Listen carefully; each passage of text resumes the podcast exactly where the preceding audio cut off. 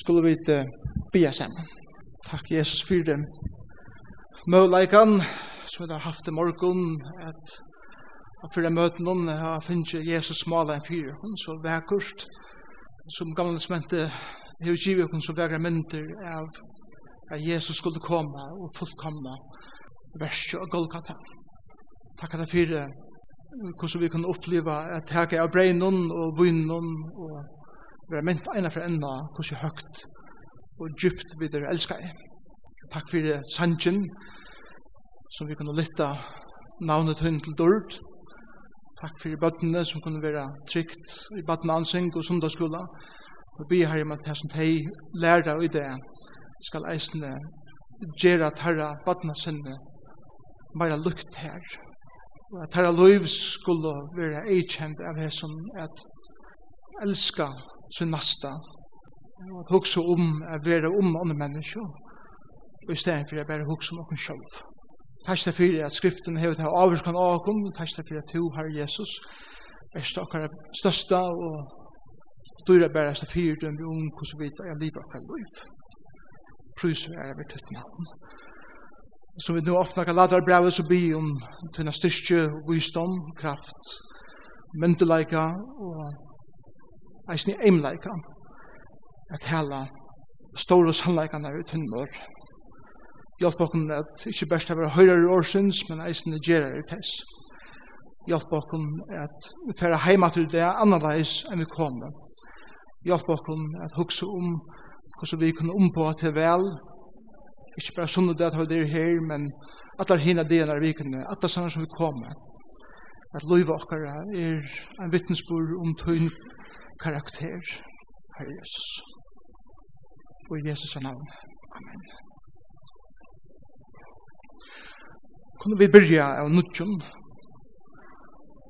Er det nokre vogn fyrir okkun? Kunne vi røyna eina for enn? Hette er jo årene som er mengan høyre av min skrivstå og ta og i et per kommer inn av skrivstående Jeg søker om hjelp og i tar forsømta og på nekka matar av perlei. Alt byrja jeg vel.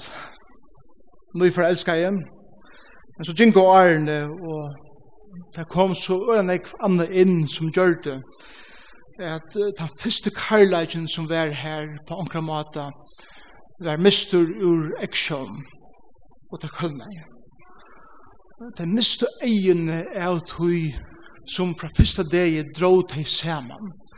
De miste egene av tog som de var begeistret for. Og nå, alt og meg var årsettende, leide de seg hjelp. Jeg vågner jo om å finne omkring møveleika at byrja nødgjent.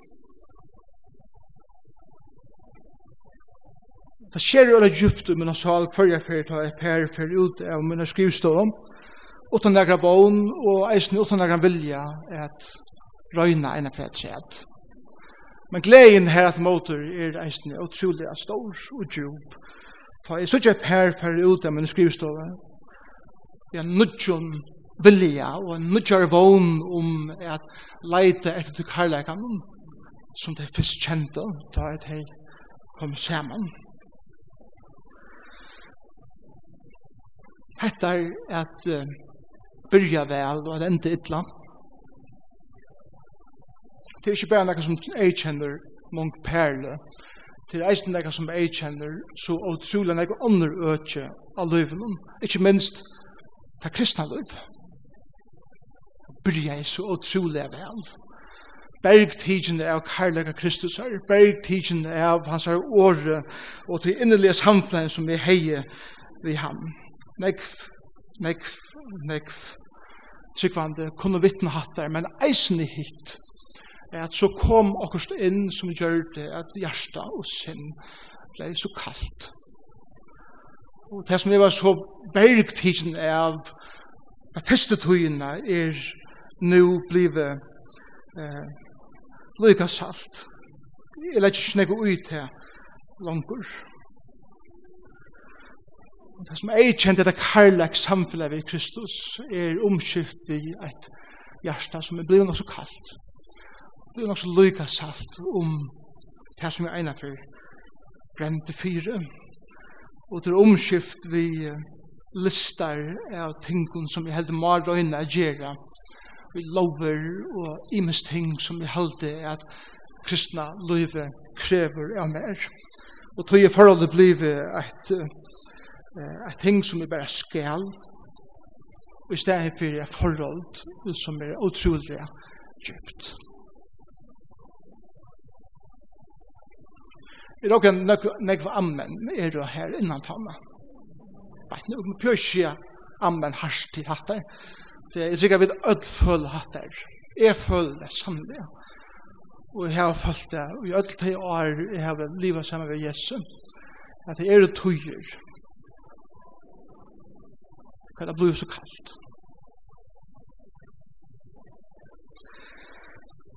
Akkurat dette er det her som Paulus tåsar om i Galaterbraunen og i sitt talen i det. Det byrje så utrolig vel tja Galatimannen. Det var så forelska i Jesus, det var så bergtisen av som bådskapen om at sikva av fullgjørde versk Jesus er krossen om. Men så kom nekka inn. Så kom nøkker inn vi lengon listum av tingun som de hilde skulde til fyrir at tokna skulde. Og hessa lovnar, og lovlærenar og kalde anden av at seta krøv til andre som er menneskesmuja i, tog og hitan ur hjertan tog og saftene ur munnen som gjør det at munnen ble torrer for jeg prater til evangeliet og lotet her vi andre. Og det er det som Paulus og, til, til, til hettar tonaleie som, som hettar hjertaleie som vi hadde Paulus talar om i den første versen i tredje kapitlet i Galaterbraun. Da kan vi slå opp på eh, Galaterbraun tredje kapitlet og lese seg versene sammen.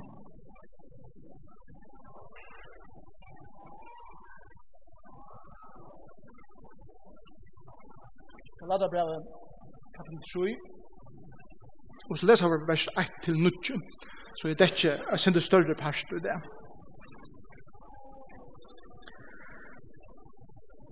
Til kila leis og galater.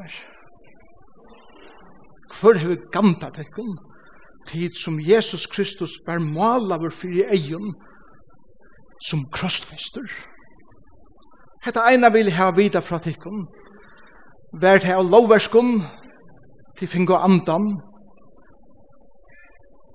eller av at høyra og trygg, så løyte skilja tid, til byrja og i anda, ferdig nå er enda i holde, vi ørner om til byrja og så vel, ferdig det enda så illa.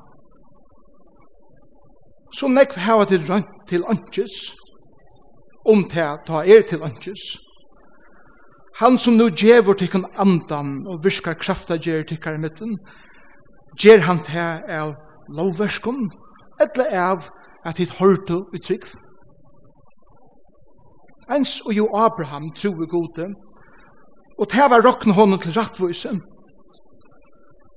tog skulle de vita at her som er av trygg, at de som er av trygg, er bøtten Abrahams, og vi til at skriften sa framan undan at det er av trygg god rett for kjørhetningarne, så kunnkjør de hun framan undan Abraham til evangeliet at og i ter skulle ödel folkaslu vera sikna.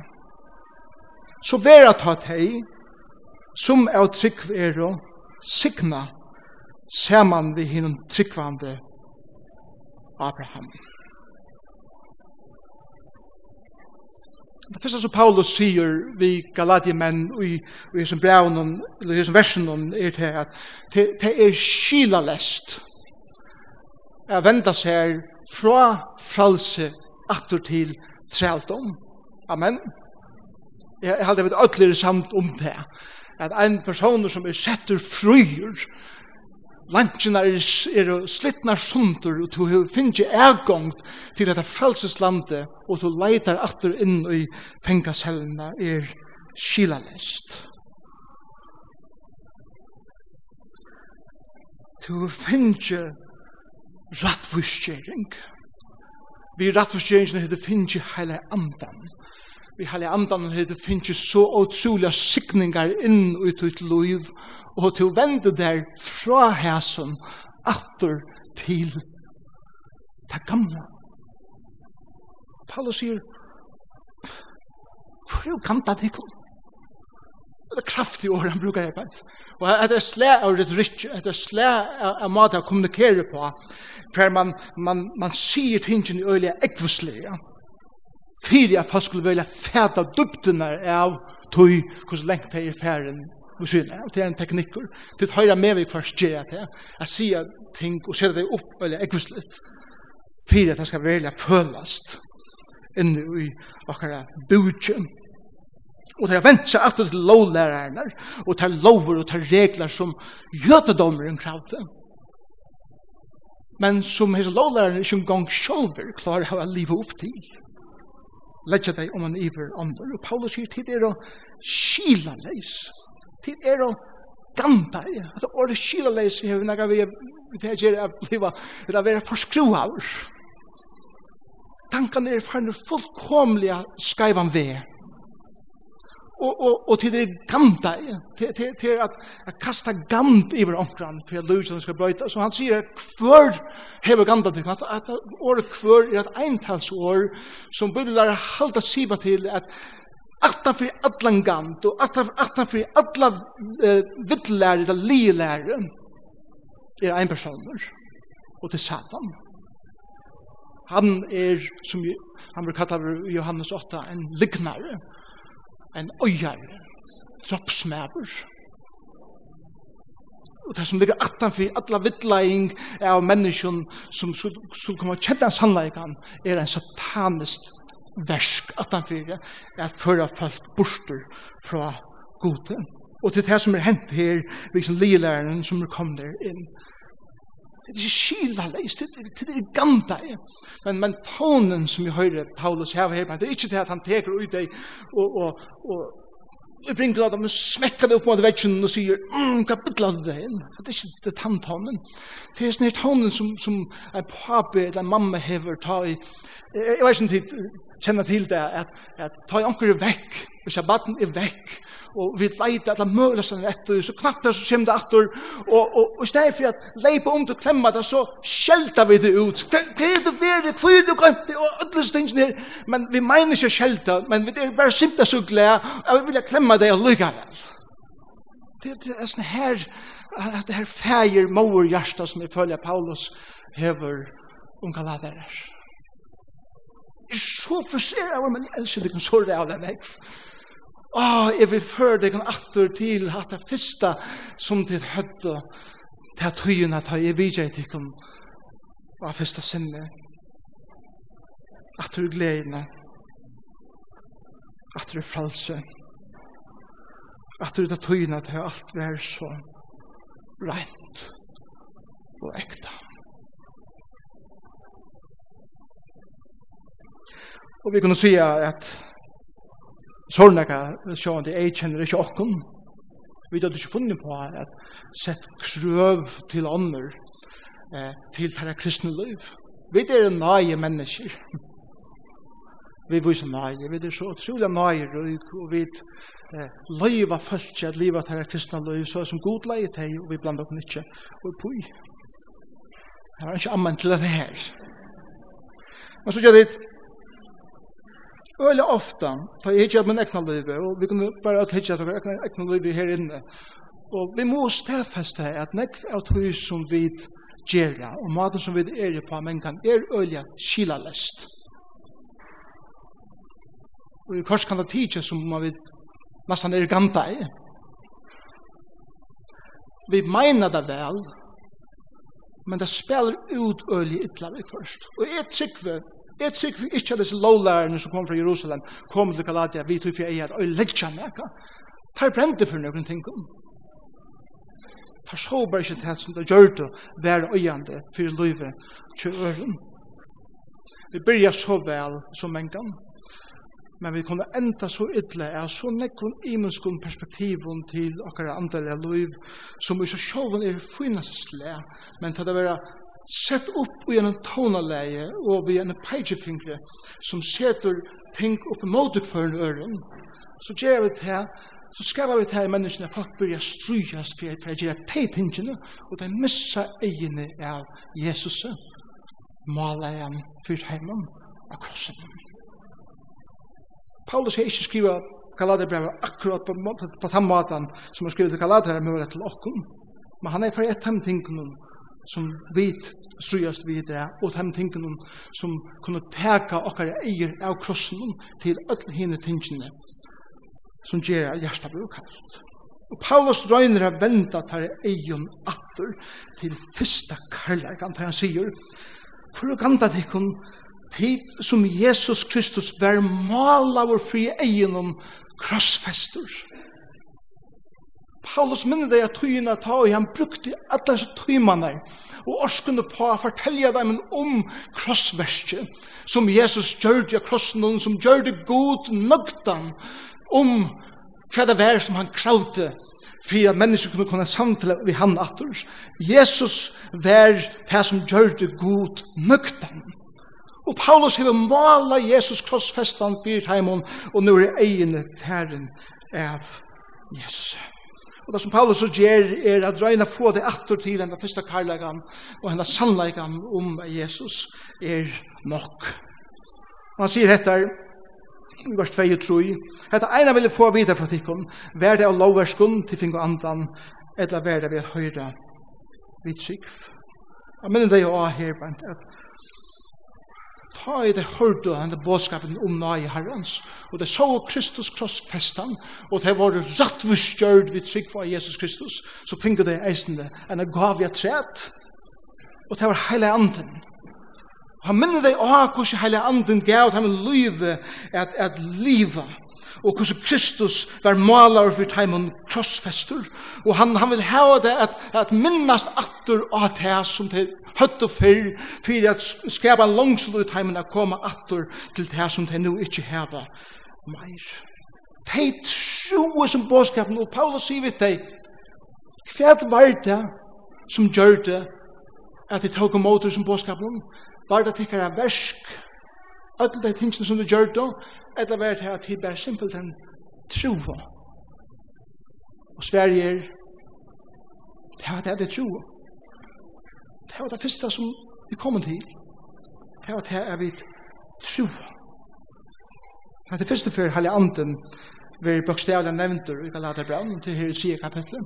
Og han får være en av hørespersonene om resten av braun, Halle Anden.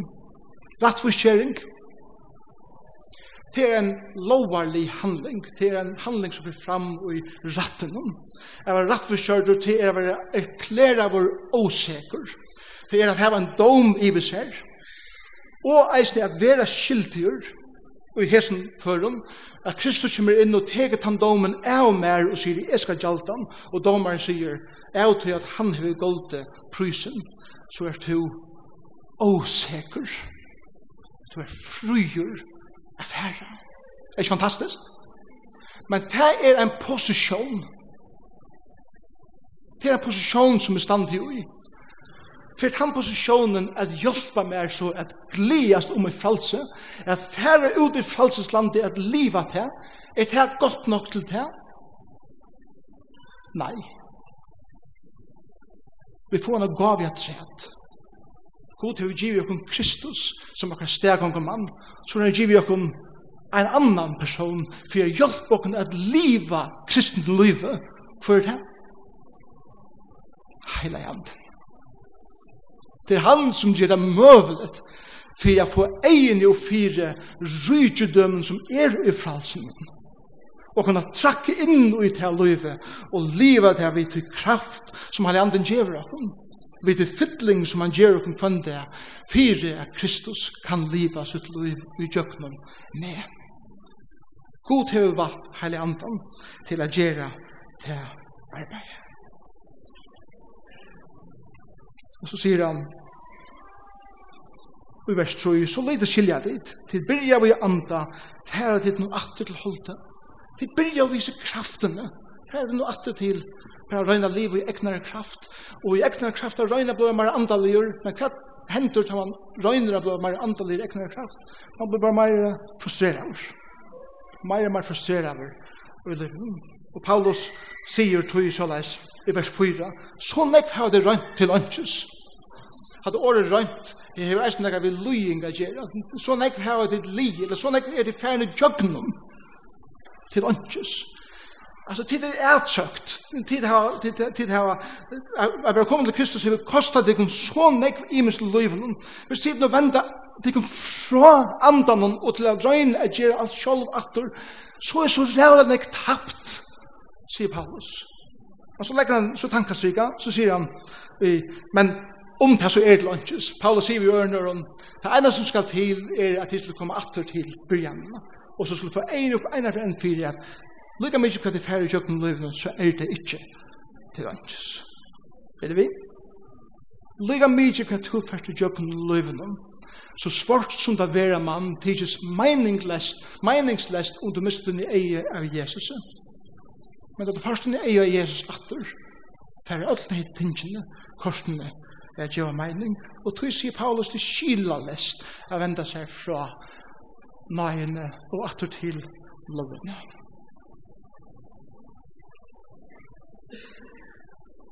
Men Paulus vil hava det. Han vil, han vil nekle hentan seimen enn fastar. Ikke bare sier han at tid tog om åten, men legg meg til vers 5. Nå får han ta oss om hva god gjør det, hvordan det er fra Guds sjånarmi eller perspektivet. Han som nu, altså han god, som nu djever tikkun andan og virkar kraftar gjerer tikkar i middelen. Ok? God hever givet dem andan. God hever givet dem Kristus. God er han som gjer kraftarversk og underfull versk i middelen deg. Så sier han, vet deg, av hverjen basis, eller hverjen grunderleie hever god givet deg hettar, så spyr jeg spørren ikke. Gav han det til kun tog at tid er så utrolig røsk at halda lovna og tid og føre deg så pent. Edla var det tog at tid tro. Og svære atter her er til ikke grunda av hver tid er og hva tid er til grunn av at tid tro at Jesus Kristus vær nok til å gjøre god nøkten tog finner du disse gavene fra gode og tog sier Paulus Vend det kan vi fra å være skila leis til å være skila gå. Takk er motors nøyene som Herren gjevet det om. For 22 år siden bjóa jeg om mer at gjeres pastor av synneløyd.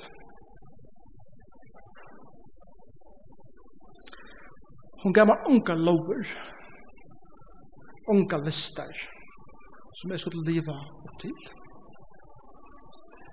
Jeg minnes ønske krev som hun sette i årene og godtog med. Hun elskar meg. Hun godtog meg hon omfemde meg, og hun bjød meg inn i sitt løyv. Det eneste som jeg skulle gjøre, var at trykva tog som hon sier. Og så teg motor tog som hon bjød meg. Jeg bjød henne i eisne, Absolutt. Absolutt. Så myndet kan sjølv brukas vi Kristus til at jeg gav henne sannlig lega fantastisk atreisning. Men det er rettar Ja, det forhold bryr vi til at man rattar armen ut og man bjóa med Og hindrar armen ut og teker vi måter. Karlagen som er her til ånden som hun er til med, nøy okken ikke er gjerra versk for at vi skulle elske okken anna meir. Tan karlagen gjør okken heller ikke lyga seg at det oppfører okken akkurat som vi vilja. Tan karlagen som er i middel okken bæg gjør til at vi innskje er gjerra så godt i måte kvarn øren som vi kunne og eisne teimen som er rundt om okken. Det er motivet, det er grunden her Det er grunda og en karlæka som er en oppoffrande og djevande karlæk. Det skaper rattvises versk, ikke lovar versk. Så sier Paulus i vers 6 til 9. Nå er det akkurat som han vender seg fra Galadrimannen og vender seg til lovlærerne, disse lielærerne som kommer inn. Några det skrifta av mer kallet av linärer. Så det kom vi, vi, vi røtte om intensjonen fra sin perspektiv, men det var skrift. Og han vender seg til teir og sier vitt der at Tid hava Moses som tykker er firemynd. Tid hava Moses lov som tykker er grunderlig at si at her at folk skulle venda seg lovene for å være frelst eller at skulle liva sitt andalega liv. Men Paulus sier vi, vi hese her eh, eh, lovlærerne at lengt framan undan Moses var en annan mæver. Fyrste jøten nekvar öldur framan undan, kalla jeg god han er fylgja sær etter. Troar færen Abraham, og han var ikkje rattforskjørter av at halda versk og at gjerra gjerrer. Han var rattforskjørter av trygg. Og Moses bygde av Abraham. Så det som Moses lærte, som lovlæreren sier han lærte, må være skreft til at det er misskilt og misbrukt av Moseloven. Og til siden i vers 6, Abraham troe gode og til å rakna honom til rattvise. Hetta var en hending i 1. Mosebok kapitel 15. Ta i god møter Abraham og han sier, be han hitja stjøtten, og han be han pelja sandkotten i sanden, og han sier, såleis skal folk koma fra tær. Tutt avkom skal være såleis. Vi ørner om lovar god Abraham en son, som skal føre atten av vågjere. Og hva gjør Abraham? Han tror. Han sier, et trygg for det som god sier. Og det er vært det som gjør det Abraham rettvisan. Men Paulus bakkar langer atter til 12. kapittel i eh, 1. Mosebok, da han sier i vers 8, Vi tar skriften framan undan så at det var vi trygg av god rett for hedningene, så kun kjørte hun framan undan Abraham til evangelium, er det her skulle alt folk være sikna i. Vi ørner åren, ta i god hukt at Abraham, som tar var hedninger. Abraham var først i Jøten, Jøtene byrja vi Abraham, Ta var ikkje grunn til av hvor Abraham vær, hvordan han oppførde seg, hvordan gåra vær, hvordan god versk han gjør det, og hvordan rattvisene vær. God og i sånne treitaleisa og oavmarska karlæka tog Abraham ut og sier, ut her skulle öll folkaslø vera signare. Vi örnåren åpenbæra i god fyrir Abraham evangeli om Jesus Kristus, at du djøknum te og djøknum tutt folk skal en frelsare vera føtter. Det avkommet som Abraham fikk, så det første avkommet var Isak. Et større folk var jødaner, men avkommet, eller saie som skulle frelse alle mennesker heimen, var jøden, Jesus Kristus. Og det var det som Abraham fikk oppenbæra, og han tro i evangelien som god oppenbæra i fyrir Abraham, langt og her atre, og det er rett for kjørte, Abraham. Og til tog han sier i vers 6, så skulle du vite at hei som er av trygg, er velje bøtten Abrahams. Det er ikke blå at den jødaner som er bøtten Abrahams, da det kommer til trunna av Jesus Kristus, da er det hei som sutja i Jesus Kristus i han, som kommer til Abraham, som troer gode, og han har sett her minnsir for åkna fylgja, at jeg vil trygg for eina, at det versk som Jesus Kristus har gjørst, jeg vet nu kunne kallast bøtten Abrahams. Han er okkar firemynd. Og til sier Paulus eina for enn at det skila lest. Jeg venda seg til lovar sjaldom. Vi kunne ikke blanda lov og nøye saman da det kommer til rattforskjering. Loven sier gjer hettar. Nøyen sier Kristus hever langt gjørst alt. Loven krever versk som mennesker skulle gjøre. Nøyen tror at det versk som Jesus langt og hever gjørst er nok. Og er godt. Loven ser det krøv som mennesker skulle luka. Nøyen viser av lyftene som mennesker bare skulle trykva. Loven minner okken av at vi er trealer i husen. Nøyen minner okken av at vi er døter og sinner heima vi oss. Elskje søgene som Anne Graham Lotz forteller da hun kommer heim til pappa som Billy Graham. Hun sier at vanliga standa ønek folk her nirre vi postre eh, arma, arman kan køyra nian her som husen i er Nek folk stande her og vilja, standa vi skilt kunne vi snakka med Billy Graham, vi har spurninga spyrjan og, og alt møvle, folk stande her, men, men Porsche sender fire, så sier hun, men det er kommet, i mine bile, og køyre ned sin tune, og til suttja nummerplaten av mine bile, så vil det trusna knøtt, og Porschene åpna seg. Og jeg kan køyre beint inn til pappa. og det er det som har gjør. Nøyen gjør okkur beinleis ergångt til Jesus Kristus. Og a standa i lovaverskun og røyne a vinna okkur fram til at, at koma til god i okkur egne verskun for at vel blivet seg at det blir vi a være et porstre fire som ikke slipper forboi til det. Det er bare ein som kan åpna det porstre. Og det færen. Det er hans herre, det som har tro av Jesus Kristus, er ergången pura fru til ham. Så du kan spyrja, kunne vi byrja nutjon? Er noe vogn for okken? Kunne vi røyna eina for enn? Jeg kan ikke gjøre noen lift, noe lyft til det kommer til tikkara perla, eller til tikkara vinabond. Og nå er en så ødel underpør, har haft trobla tøyer i akkurat løyve, og vi tar bare byrer som er tungare bæra, som tjum. Men det som heldur okkur oppe, og det som heldur okkur oppe, er at atter og atter er minna kvar annan og kom atter til den første karlækan, som han første tog dro okken saman. Men om du ser det sporene som vi vysjende, til når vi er skjøtten vi god, så kan jeg sija er sånn, runda av årgods i det. Ja, du kan spyrja nødt. Ja, det er vogn fyrt her ja, de kunne røyna eina for enn.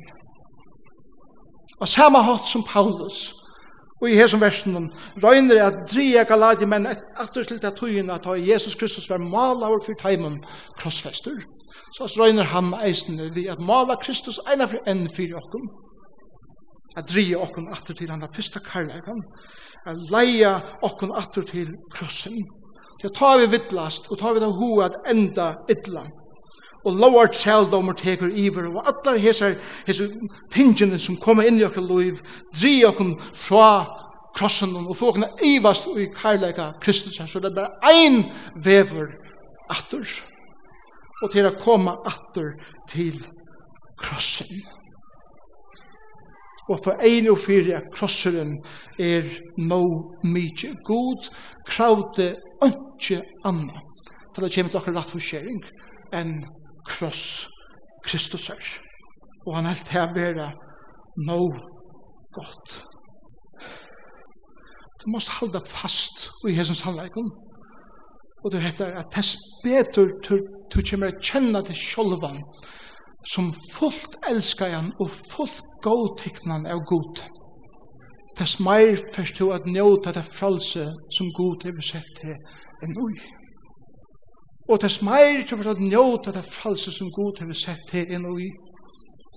Det er smeir for å få egn og fyre at han har et underfullt endamål i tøyne om livet.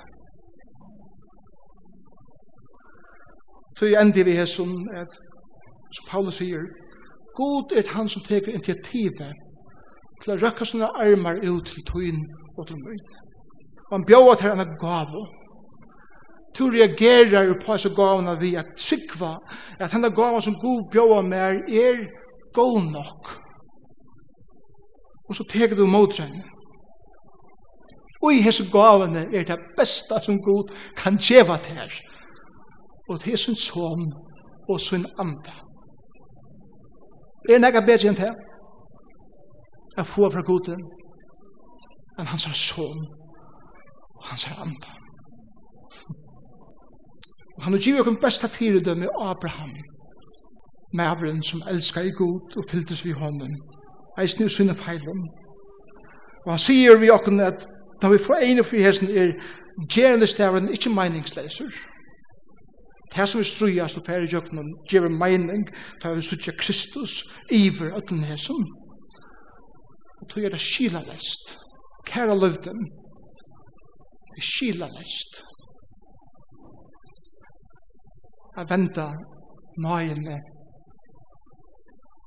rytjen og at venda seg til lenge lister av lov.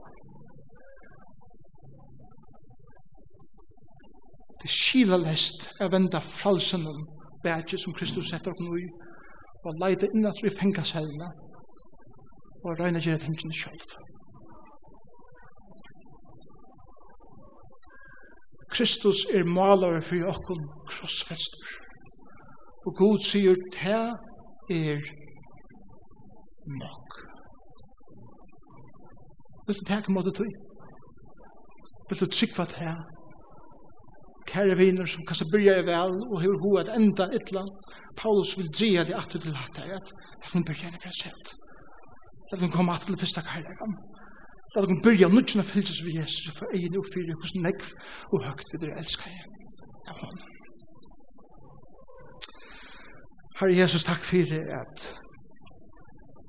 båskapen i Galaterbraunen er en båskaper som atter og atter teker og atter til krossen og Kristus. Vi takk fyrir at du varst nøgtur da Jesus røpte av krossen at det er fullgjørst. Vi takk deg fyrir, Herre Jesus, at du gjør det fyrir med og fyrir okkom. Vi takk deg fyrir fyrir at du har givet okkom det mest underfodla og disse gavene som du har givet okkom grunda av trenda. Og det er sin egna son og heilig andan. Du ber vi Jesus om at ditt liv skal skynar i kjøkkenom okkar liv.